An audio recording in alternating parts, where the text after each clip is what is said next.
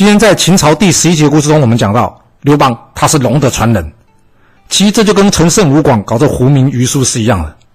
但是有没有想过，为什么这些领导人都要透过这些神怪来增添自己的身份呢？没办法，因为刘邦是平民，他没有显赫的家族背景，也没有高深的学问。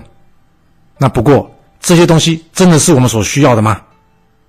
有没有想过，要是有一天这些我们用来判断领导人的标准被人家偷偷动过手脚，或是改变了他的标准，那我们要如何辨别我们眼前所看到的东西，以及这个人他真正的价值呢？历史刻画着人性，了解历史。或许我们就能用不同的观点去判断事情，您说是吧？想了解完整版的故事内容，欢迎到我的爱故事频道去看哦。